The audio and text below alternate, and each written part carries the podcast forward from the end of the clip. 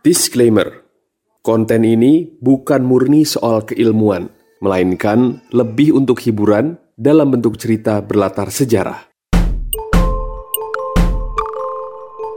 Benang merah, merah, merah, merah.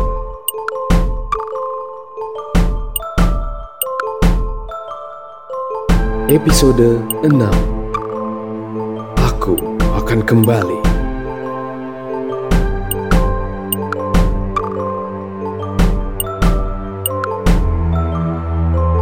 Episode yang lalu, kita telah menjadi saksi bagaimana benteng Malaka digempur oleh armada Patiunus.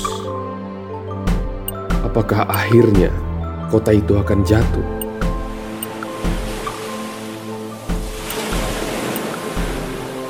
Jauh di timur, di Ternate, Sultan Bayan Sirullah merasa sangat resah. Ia memanggil Francisco Serao ke hadapannya. Tidak seperti biasanya, kali ini ia agak pedas. Ia bertanya pada Serao, "Mengapa sampai hari ini belum ada armada dagang dari Malaka yang tiba? Bahkan satu kapal pun tak kelihatan rimbanya." Apakah etikat baik sang sultan pada Portugis tidak ada harganya?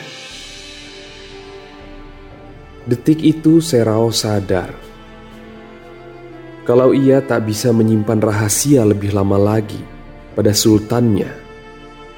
Ia pun membungkuk di depan Bayan Sirullah seraya mengeluarkan secari kertas dari kantung bajunya. Serao meminta maaf dengan sangat. Ia memang telah menyembunyikan surat itu dari Bayan Sirullah. Maka di depan sang sultan, ia mulai membacakannya. Ditulis oleh Kapten Mayor Rui de Brito. Aku berterima kasih pada Tuhan atas pengiriman rempah yang sangat berharga dan juga penawaran kerjasama yang mulia Sultan Bayan Sirullah. Kami ingin sekali segera mengirim armada untuk penjemputan rempah yang berikutnya ke Maluku. Tapi di sini keadaan sedang sangat gawat. Dan jika kami tak pernah mengirim kapal ke Ternate, itu artinya Malaka telah jatuh ke tangan Demak.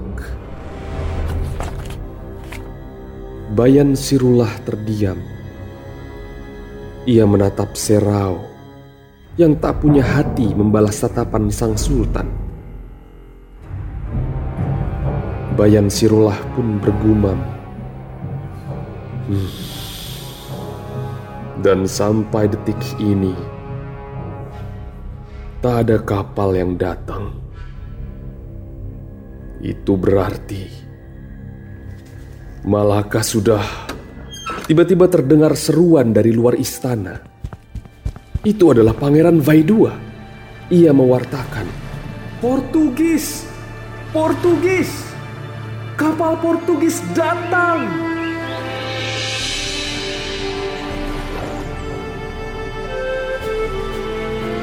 Tahun 1513, armada kedua Portugis dari Malaka sampai di Maluku, dipimpin oleh Antonio de Miranda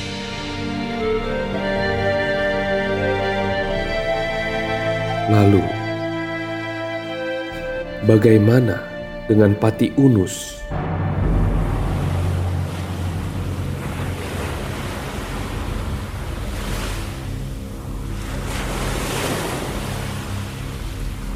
Pati Unus datang dengan seratus kapal. Dan di malam berikutnya yang tersisa hanyalah delapan kapal yang lainnya telah dibakar, tenggelam, atau dirampas oleh Portugis. Moral prajuritnya yang tersisa pun hanya tinggal puing-puing. Rasa malu dan kecewa semua terpancar di wajah mereka. Ternyata benar apa kata Tome Pires. Dengan banyak faktor, serangan Pati Unus kali ini tidak akan sedahsyat yang awalnya terdengar. Konflik panjang Demak dan Daha membuat dukungan Raden Patah tidak maksimal. Terutama setelah pasukan Daha dengan bantuan kerajaan Kelungkung Bali melancarkan serangan. Meski begitu, Demak akhirnya bisa mengalahkan serangan Daha. Bahkan banyak orang Majapahit yang justru mulai menyeberang ke Pulau Bali. Keadaan tidak menguntungkan lainnya adalah Raden Patah punya seorang putra bernama Trenggana yang sepertinya merasa kalau Pati Unus berusaha mengambil hati ayahnya. Maka terjadilah persaingan yang kurang produktif di antara keduanya.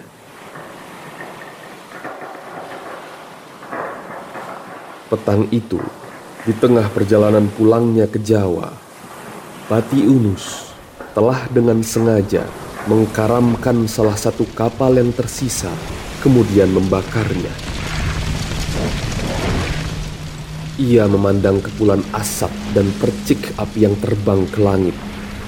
Seraya berkata, "Ini untuk mereka, orang-orang paling berani yang pernah aku kenal.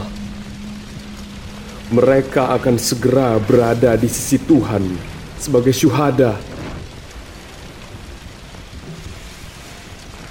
Siapa di antara kalian yang masih hidup ikut denganku lagi suatu hari nanti. Para prajurit dan perwira yang tadinya lesu dalam sekejap terbakar kembali semangatnya.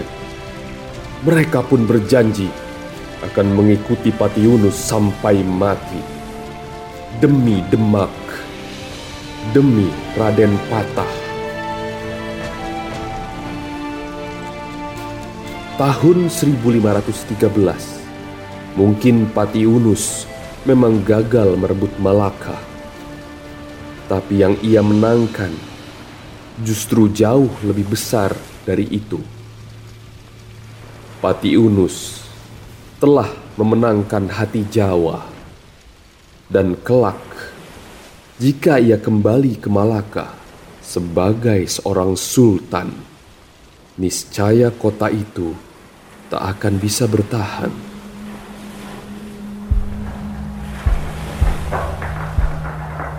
Tujuh kapal menjauh dari api yang berkobar. Pati Unus melirik sekali lagi ke arah utara. Seraya dalam hatinya ia berkata, Malakah aku akan kembali.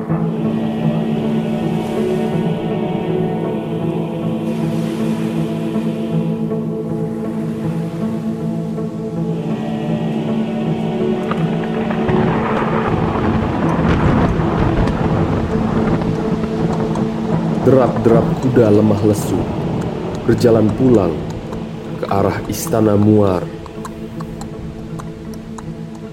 Debu, peluh, dan darah menghiasi tubuh mereka berikut para penunggangnya. Panji-panji yang saat berangkat diangkat tinggi-tinggi, penuh percaya diri, kini layu, patah mengiringi kegagalan Ahmad Syah merebut Malaka. Sultan muda ini tak tahu harus berpikir apa lagi.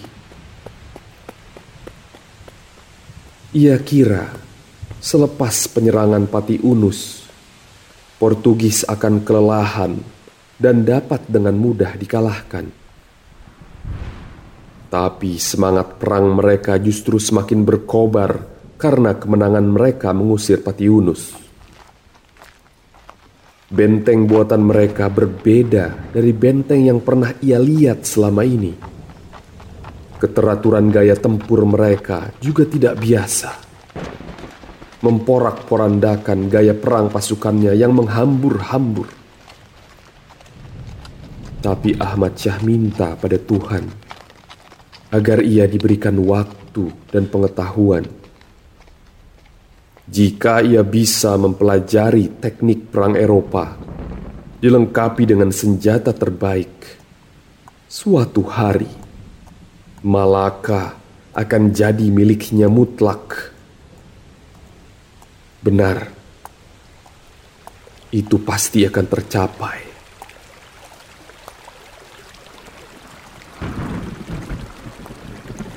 Di tengah perjalanan menuju Istana Muar, Ahmad Syah melihat tenda didirikan di tepi sungai. Itu adalah tenda kerajaan. Tenda milik ayahnya, Mahmud. Di depan pintu masuknya, berdirilah Tun Fatimah yang tersenyum menyambut Ahmad. Ia lalu berlutut, seraya berujar, Baginda Sultan, ayahandamu menunggu di dalam. Seketika rasa takut dan malu menjalar di dada Ahmad. Dengan penuh keraguan-raguan, ia turun dari kudanya, lalu masuk ke dalam tenda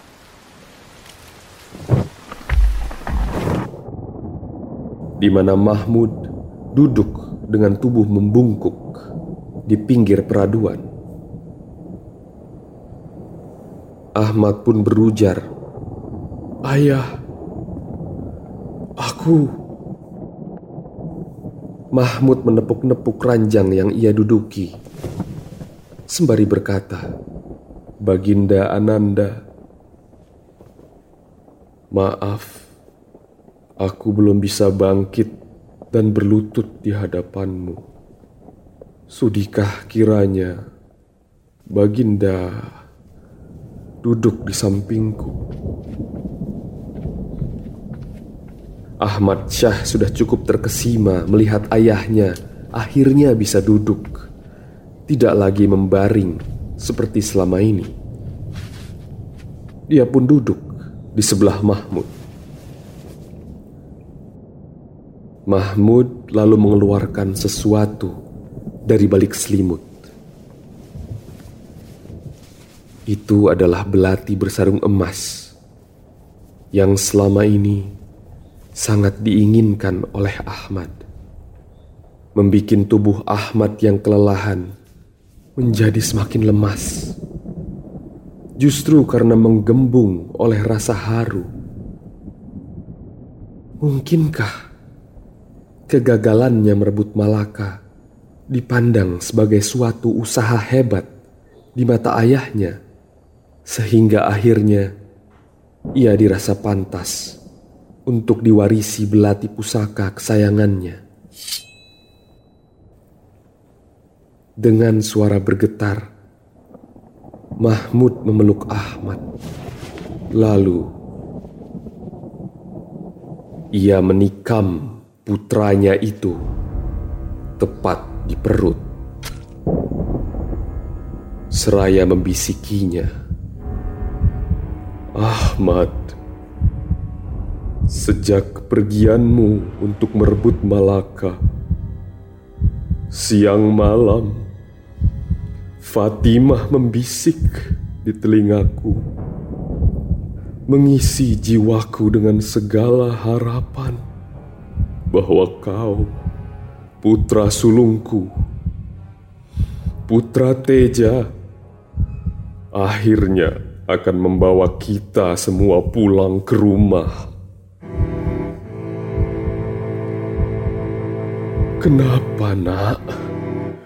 Kau tidak penuhi ajakan Pati Unus untuk menggabungkan kekuatan. Ahmad Syah tak bisa menjawab apa-apa. Seolah tusukan belati ayahnya itu telah mengambil juga seluruh suara dari tenggorokannya. Pejamkan matamu, nak. Ujar Mahmud seraya menutup mata Ahmad. Aku tak bisa melakukan ini. Sambil melihat mata Teja yang kau warisi darinya. Tapi ini harus dilakukan. Karena kau bukan saja gagal merebut Malaka kembali. Kau, kau telah membunuh harapan rakyat Malaya Kau telah membunuh aku. Mahmud lalu berdiri sambil menangis, meninggalkan putra sulungnya yang terjelembab di peraduan dengan darah merambes ke mana-mana.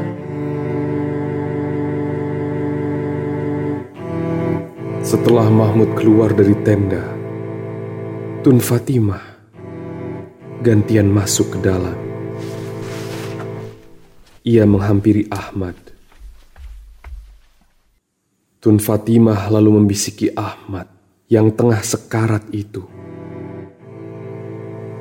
Kau tahu, saat ayahmu itu mengawini aku dulu, aku tak pernah tersenyum. Aku mengalami keguguran dua kali. Apa kau tahu, Nak? Apa yang membuatku akhirnya bisa melahirkan anak dan bisa tersenyum kembali? Tentu saja Ahmad tak bisa menjawab.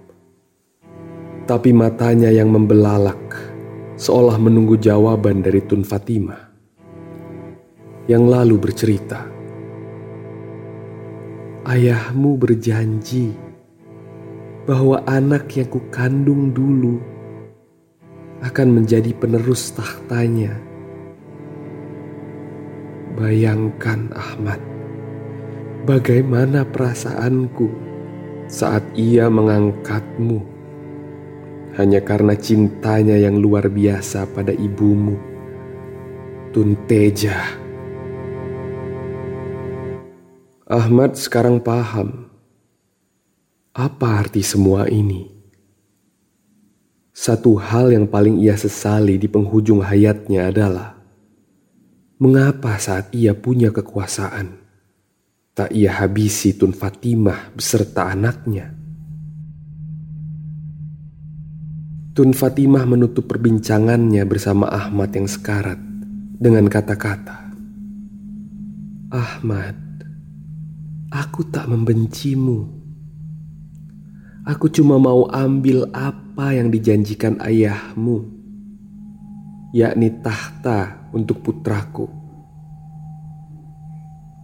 Itu toh tidak banyak. Secara kalian telah ambil segalanya dariku. Tun Fatimah memegang tangan Ahmad, sembari mendorong belati yang menancap itu semakin dalam. Erangan Ahmad terdengar tertahan. Ahmad, akan kupastikan belati ini ikut dikubur bersamamu, nak. Karena kau sangat menginginkannya, bukan?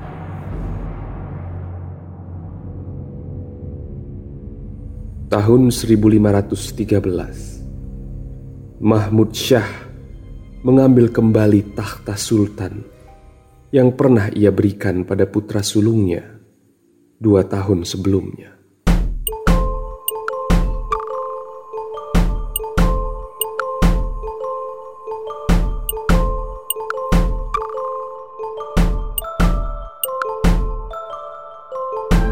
Bagaimana kelanjutan kisah benang merah?